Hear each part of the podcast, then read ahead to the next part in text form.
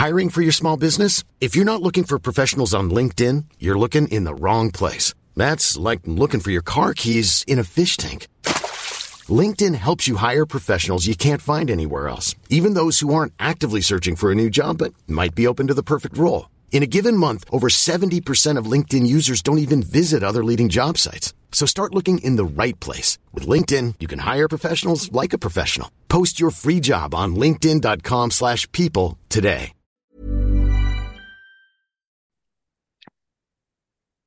Halo pendengar ganteng-ganteng Manchester United Podcast. Kembali lagi bersama kita berdua, ada Saung dan Alvin di sini. Dan akhirnya setelah kita kedatangan tiga orang pemain yang menurut gue cukup uh, apa namanya krusial ya, ya yaitu di Andre Onana, Mason Mount dan juga Rasmus Højlund kemarin. Akhirnya kita ada berita bahwa United akan segera melepas ya dua pemain bintangnya yaitu Scott McTominay dan juga Harry Maguire. Nah, ini uh, dua pemain ini menurut gue pribadi ya itu memang bukan pemain yang uh, sangat bagus gitu, tapi juga nggak sangat jelek juga gitu dalam artian uh, kalaupun misalnya dua pemain ini tidak jadi pindah katakanlah gitu ya oke okay lah gitu. Bukan bukan bukan hal yang buruk buruk sebenarnya gitu. Tapi kalau misalkan pemain ini pindah dengan harga yang uh, cukup oke okay, gitu kan. Dan latest West Ham ya West Ham yang dua-duanya uh, di bid gitu kan. Uh, paket paket hemat menurut gue hmm. dengan harga 60 juta pounds untuk dua orang pemain ini menurut gue sih uh, saat ini itu angka yang reasonable tapi masih bisa lebih mahal lagi sih sebenarnya gitu. Yeah. Nah, kalau dari lo sendiri, Vin, apakah lo support dengan kepergian McTominay dan juga Harry Maguire dan apakah lo setuju bahwa mereka dibanderol seharga segitu? Iya, kalau untuk mereka pergi gue setuju sih gitu. Apalagi mm -hmm. McTominay ya. Yang mm -hmm. um, kita dari zamannya Ole mungkin ya kita melihat McFred gitu, yang mana kayak sama sekali nggak ada kualitasnya untuk bisa bersaing selama uh, bersaing untuk juara dalam kurun waktu yang panjang gitu maksudnya dua tiga empat tahun gitu. Jadinya ketika sekarang kita udah punya Casemiro kemudian ada Erikson Mason Mount Bruno Fernandes itu kayak ya ini adalah midfield yang seharusnya dengan kualitas seperti ini yang kita punya dari dulu gitu. Dan Scott McFred ini nggak lebih daripada pelengkap atau squad player. Dan kalau misalnya pun harus dijual itu pun nggak masalah dan kalau misalnya Fred juga kemungkinan kan udah hampir pasti keluar ya karena dia juga udah nggak ikut preseason dan meskipun masih stuck gitu tapi untuk Scott McTominay ini menurut gua kayak apa ya kayak penjualan tertingginya sih gitu di Scott McTominay mm -hmm. karena nggak ada isu gitu loh kayak mm -hmm. isu performance sih nggak ada kalau Maguire mm -hmm. kan masih ada isu performance kan gitu kayak yeah, yeah, yeah. agak menurun tapi kalau Scott McTominay ini lagi di tengah-tengah malah cenderungnya agak bagus gitu karena di Scotland itu kan dia punya role baru yang bikin dia jadi bisa cetak 4 gol kan dan uh, top scorer kedua gitu di kualifikasi dan di MU pun juga kasarnya nggak lagi jelek-jelek banget jadi um, tadi kan katanya ditawar 60 ya untuk dua orang gitu mm -hmm. ya dan katanya MU itu pinginnya 75 kan 75 juta pounds dengan mm -hmm. mungkin pembagiannya Scott itu 40 Maguire 35 dan Hmm. Kalau misalnya bisa diangkat 75 sih itu bagus banget gitu. Hmm. 60 pun sebenarnya kayak ya ya udahlah 30 30 gitu. Maksudnya hmm. nggak lagi jelek-jelek banget, tapi kalau bisa lebih sih nggak apa-apa. Tapi untuk penjualannya sendiri terutama Maguire ya yang kemarin juga launch itu juga blunder gitu. Blunder hmm. yang apa ya? Ya sebenarnya mungkin dia niatnya bagus gitu kan, pengen umpan progresif ke depan, tapi hmm. dia juga harus bisa scanning juga gitu depannya ada ya. siapa. Yeah. Jadinya fatal. Jadi menurut gue Maguire tuh secara mental udah gak ketolong sih gitu. Jadi better keluar untuk mungkin di MU terlalu berat untuk saat ini gitu. Jadi better move sih. Ya ya ya ya. Setuju sih. Kalau menurut gue uh, untuk Maguire ya, ini mungkin adalah saat yang tepat untuk akhirnya dia uh, pindah gitu ya atau move on dari United karena yang pertama ketika seorang pemain yang ketika dia dibeli adalah defender paling mahal di dunia gitu kan dengan angka 85 juta pounds pada saat itu gitu kan. Dan akhirnya lo dapat posisi kapten gitu sampai akhirnya secara gradually lo diturunkan posisinya gitu kan. Uh, udah lagi udah nggak lagi jadi first uh, starting center back gitu. Dan setelah itu pun kapten lu juga dicabut uh, nih sama uh, pelatih lo sekarang gitu. Terlebih hubungan lu dengan fans juga nggak bagus gitu. Makanya ketika ada momen untuk lu pindah gitu kan dengan harga ya yang mungkin nggak mahal gitu ya, mungkin uh, orang-orang bisa berpikir bahwa ya itu it's an insult lah. Apalagi lo dibeli 80 juta pound terus lo dibeli lagi seharga 30 juta pound. Tapi kan lo akhirnya punya punya chance untuk lo ngebangun karir lagi kan gitu. Nah, menurut gue sih dari sisi player harusnya ini bukan jadi suatu isu ya gitu apalagi dengan uh, situasi yang udah udah terjadi lah di di uh, beberapa waktu ini di United gitu. Tapi gue percaya United pasti nggak akan ngelepas dia semudah itu di angka 30 juta pounds gitu. Kayak tadi lo hmm. bilang mungkin angka 35 juta pounds itu udah cukup untuk uh, United akan ngelepas Harry Maguire ya. Nah isunya mungkin adalah di gaji dia nanti seperti apa gitu. Tapi menurut gue uh, West Ham pasti bisa sorted itulah gitu. Nah, untuk McTominay sendiri ini uh, eh, gue rasa Ten Hag sebenarnya masih ingin mempertahankan seorang uh, apa namanya uh, Scott McTominay gitu ya. Dalam artian lo udah ditinggal Fred gitu kan, lo juga akan ditinggal Dudi van de Beek. Hmm. Mungkin ketika McTominay nggak cabut ya it, ini ini bukan bukan menjadi apa bukan jadi penghalang bagi bagi Ten Hag lah gitu dalam artian ya ini pemain he's a uh, good squad player gitu kan. Tapi kalau misalkan dia nggak cabut sekarang gitu kan dengan angka yang gue tadi baca United punya 45 juta pounds gitu. Hmm. Kayaknya kalau misalnya dia nggak cabut musim ini, di musim depan itu pasti harganya akan jauh di bawah itu gitu. Hmm. Ya kan? Karena gue nggak nggak melihat Scott ini akan bermain banyak di musim ini gitu. Iya, iya. Jadi ketika ketika United bisa agree mungkin ya di angka 40 juta pounds dan uh, Maguire di angka 35 gitu kan dengan total 75 juta pounds. Menurut gue sih United harusnya ambil duitnya terus habis itu lari ya sih men. karena sebelum, sebelum nyesel ya sebelum nyesel sebelum West nyesel gitu kan. Karena ini benar-benar sweet deal banget gitu. Dan yang gue takutkan adalah United sekarang ini kan jago nih ya kan dalam dalam negosiasi uh, antar klub gitu kan. Udah udah ngerti lah cara-caranya lo beli pemain gitu. Tapi untuk jual pemain ini kita belum pernah nih men. Ya kan jual pemain dengan harga yang oke okay itu hampir ya. hampir belum pernah gitu. Dan ini ini akan jadi challenge sendiri sih bagi uh, Mertoh dan kawan-kawan ya benar benar. Alex Teles saya cuma 5 juta anjir buset nah, kan, nah kan daripada itu gitu. Bener bener bener dan um, apa ya tadi gue lupa gue mau ngomong apa. Iya uh, jadi masalah Maguire sama Scott McTominay ini kan sebenarnya yang gue baca ya. Jadi ini tuh keinginannya David Moyes dan ini bertentangan hmm. sama sporting directornya West Ham gitu loh. Jadi hmm. kayak sporting director ya menurut gue mungkin ada pinternya kayak dia memilih untuk beli pemain-pemain yang um, apa ya mungkin dari luar Inggris yang non Inggris jadi harganya nggak terlalu mahal tapi berkualitas. Yeah. Mungkin salah satunya adalah ya Edson Alvarez ini yang udah udah dibeli kan, udah lagi terbang ke hmm. London. Dia bakal menggantikan langsung posisi Declan Rice gitu. Nah, si Moyes tapi tetap pingin pemain-pemain Inggris gitu ya. Maksudnya Britania ya, Scott McTominay sama Maguire yang mm-hmm. ya sebenarnya mahal sih untuk ukurannya gitu kan. Mm-hmm. Maksud bukan mahal ya, cuma maksudnya lu dengan uang segitu lu bisa beli pemain lain yang kualitasnya nantinya nggak beda jauh gitu loh. Gitu. Jadi uh, gua khawatir sih kayak nantinya Sporting Director ini akhirnya punya suara lebih besar tapi kayak sejauh ini Moyes lebih besar sih suaranya kayaknya yang menurut gue gitu. Mm-hmm. Jadi sampai akhirnya kan benar-benar sampai ngebit secara resmi 60 juta. Jadi semoga ya, semoga gue juga doa uh, berdoa juga.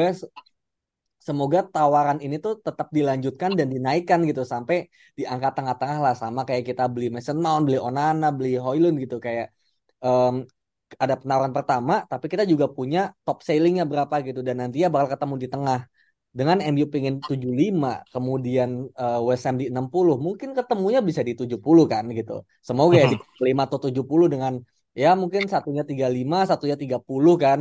Kayak ya udah nggak masalah gitu. Dan Maguire tadi bener sih yang gue baca juga masalah gaji. Maguire ini kan gaji 190 ribu. Nah kabarnya West Ham ini cuma mau dia 100 ribu gitu loh. Jadi 90 ribu ya ini kemungkinan ini kasusnya kayak uh, siapa namanya Chris Smalling. Jadi setengah gaji itu masih MU bayarin, men.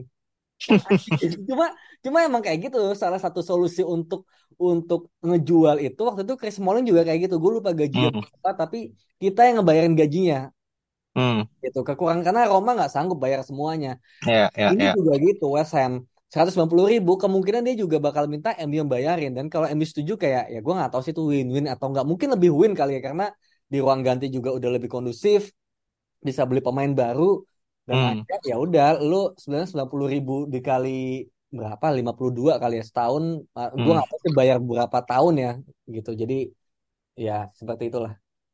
Ya ya ya ya benar sih. Dan ini uh, apa namanya kalau misalkan tadi West Ham memang masih mengejar pemain Britania gitu kan uh, pemain Inggris menurut gue memang cukup masuk akal gitu kan. Apalagi kan dia habis kehilangan pemain home ground kan di Declan Rice gitu jadi sudah pasti uh, tim akan mencari pemain-pemain home ground juga dan itu memang harganya memang cukup mahal gitu nah uh, ketika kita take sekarang ini ada berita West Ham are closing in on a compromise for Harry Maguire jadi udah deket nih untuk untuk Harry Maguire gitu kan uh, hmm. Sky Sport yang baru aja beritain gitu jadi menurut gue kayaknya akan deal sih di angka 35 juta pounds ya untuk Harry Maguire gitu. Nah, untuk Scott McTominay yang ini agak agak agak cukup krusial sih, men.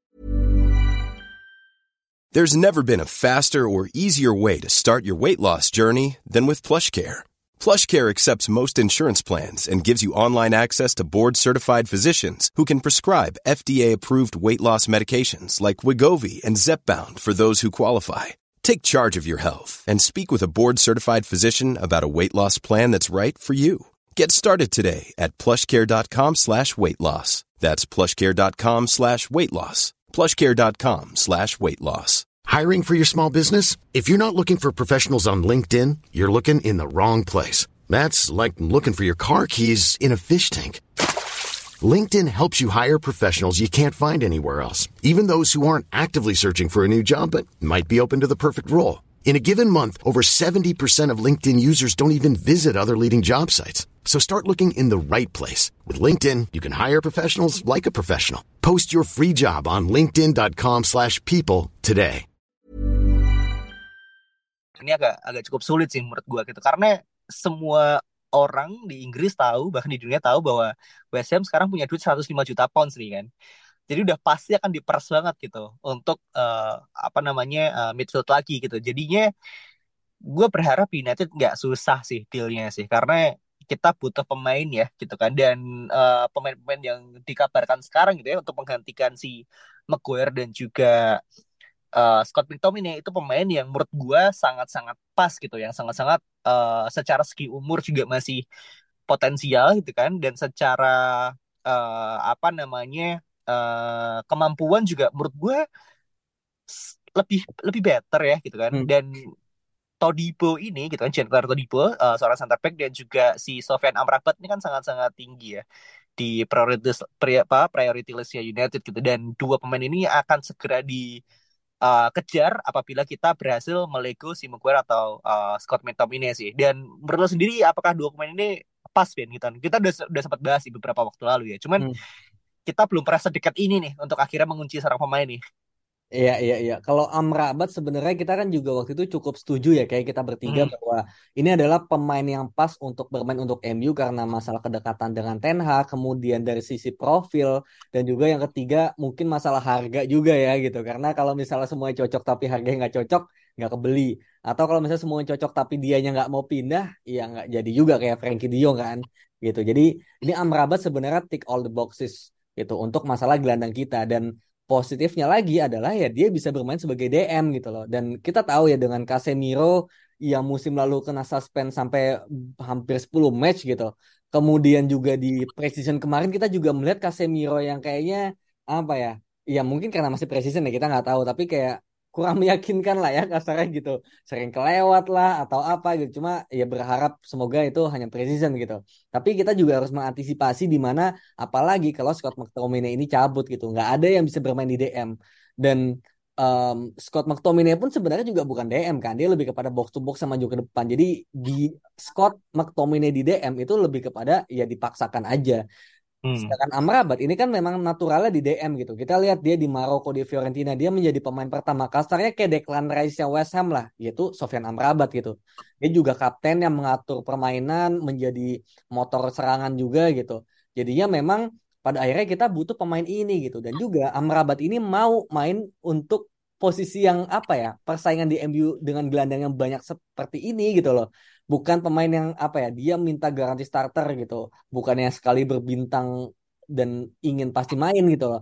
Jadi ini memang pemain yang emang mau main buat Ten Hag mau main buat MU dia mau berjuang dan dia rela jadi backup gitu. Dan ini kan adalah pemain yang kita butuhkan. Menurut gue dia bisa main di sebelah Casemiro kalau misalnya lawan Big Six gitu kan. Dia juga bisa menggantikan Casemiro ketika kita melawan tim-tim yang kita harus melakukan rotasi gitu. Jadi Amrabat bagus banget. Kalau Todibo kita juga udah pernah bahas bahwa dia punya kecepatan, dia punya um, dribble dan juga passing yang bagus dari belakang gitu. Jadi secara skema dia bagus banget. Bahkan kita juga pernah bahas antara Todibo atau Disasi gitu. Dan Disasi ini kan pemain yang menurut gue lambat ya gitu. Jadi Disasi ini kayak ya nggak ada upgrade sama Maguire sama aja menurut gue gitu loh gitu. Tapi kalau Todibo, gue ngeliatnya ini tuh kayak uh, Varan versi muda gitu. Dia cepat, hmm. dia lincah, dia kuat, dan apa namanya dia bisa menjangkau area-area di mana dia harus lari gitu loh. Ketika misalnya yeah. kita counter, dia bisa ngejar. Kalau di Sasi gue nggak yakin gitu dengan gaya main kita saat ini ya,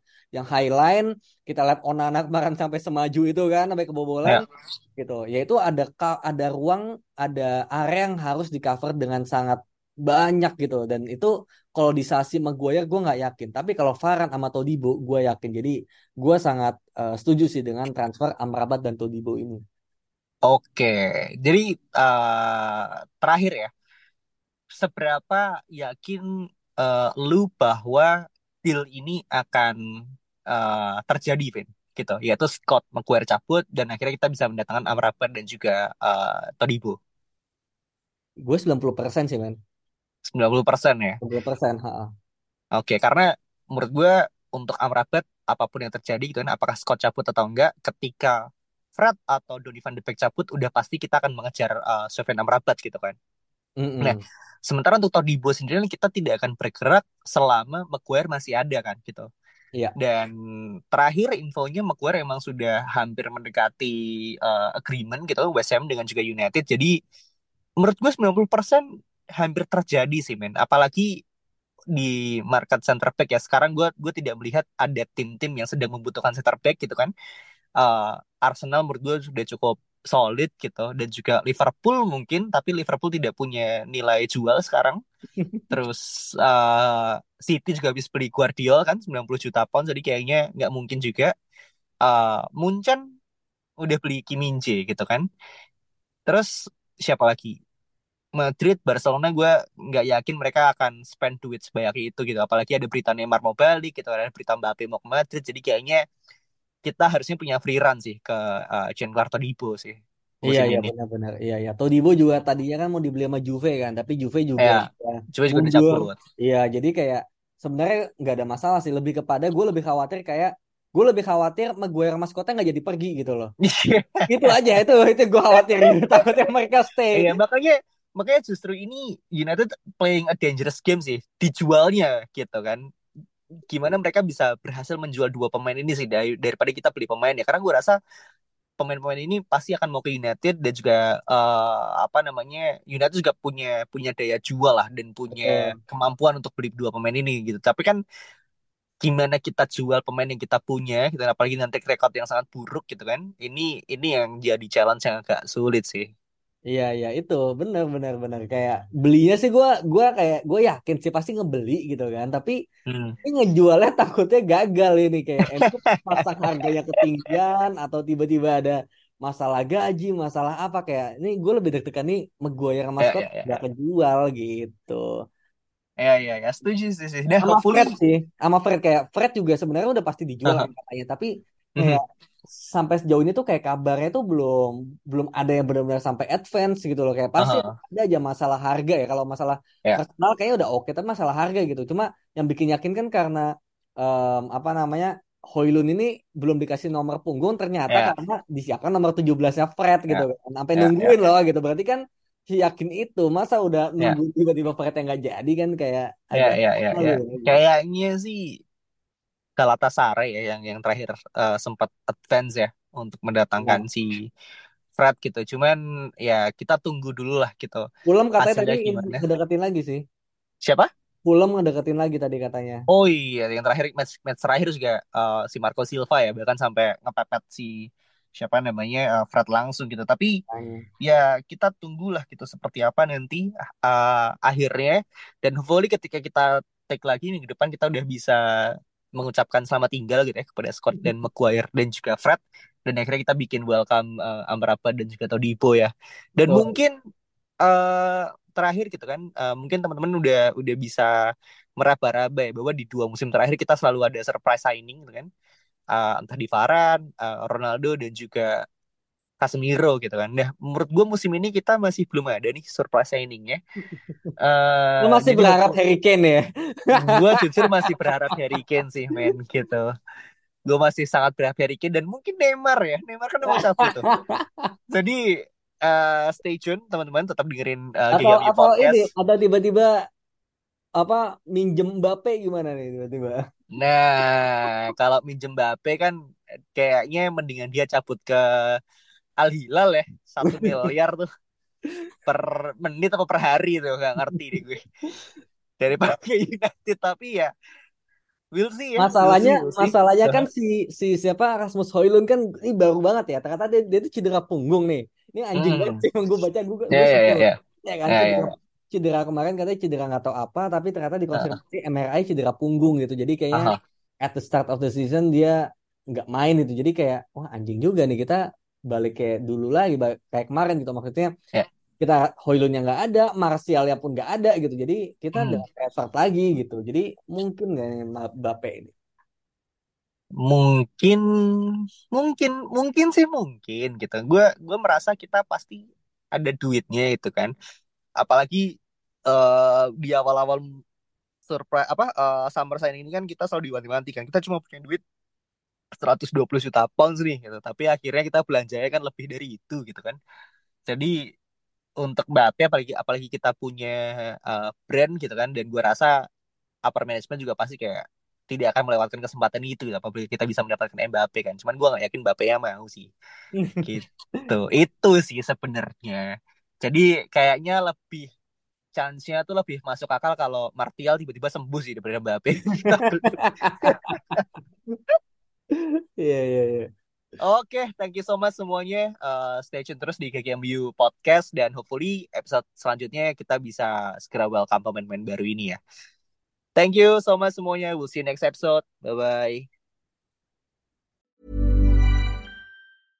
Imagine the softest sheets you've ever felt. Now imagine them getting even softer over time. That's what you'll feel with Bowl and Branch's organic cotton sheets. In a recent customer survey, 96% replied that Bowl and Branch sheets get softer with every wash. Start getting your best night's sleep in these sheets that get softer and softer for years to come. Try their sheets with a 30-night guarantee. Plus, get 15% off your first order at bowlandbranch.com. Code BUTTERY. Exclusions apply. See site for details.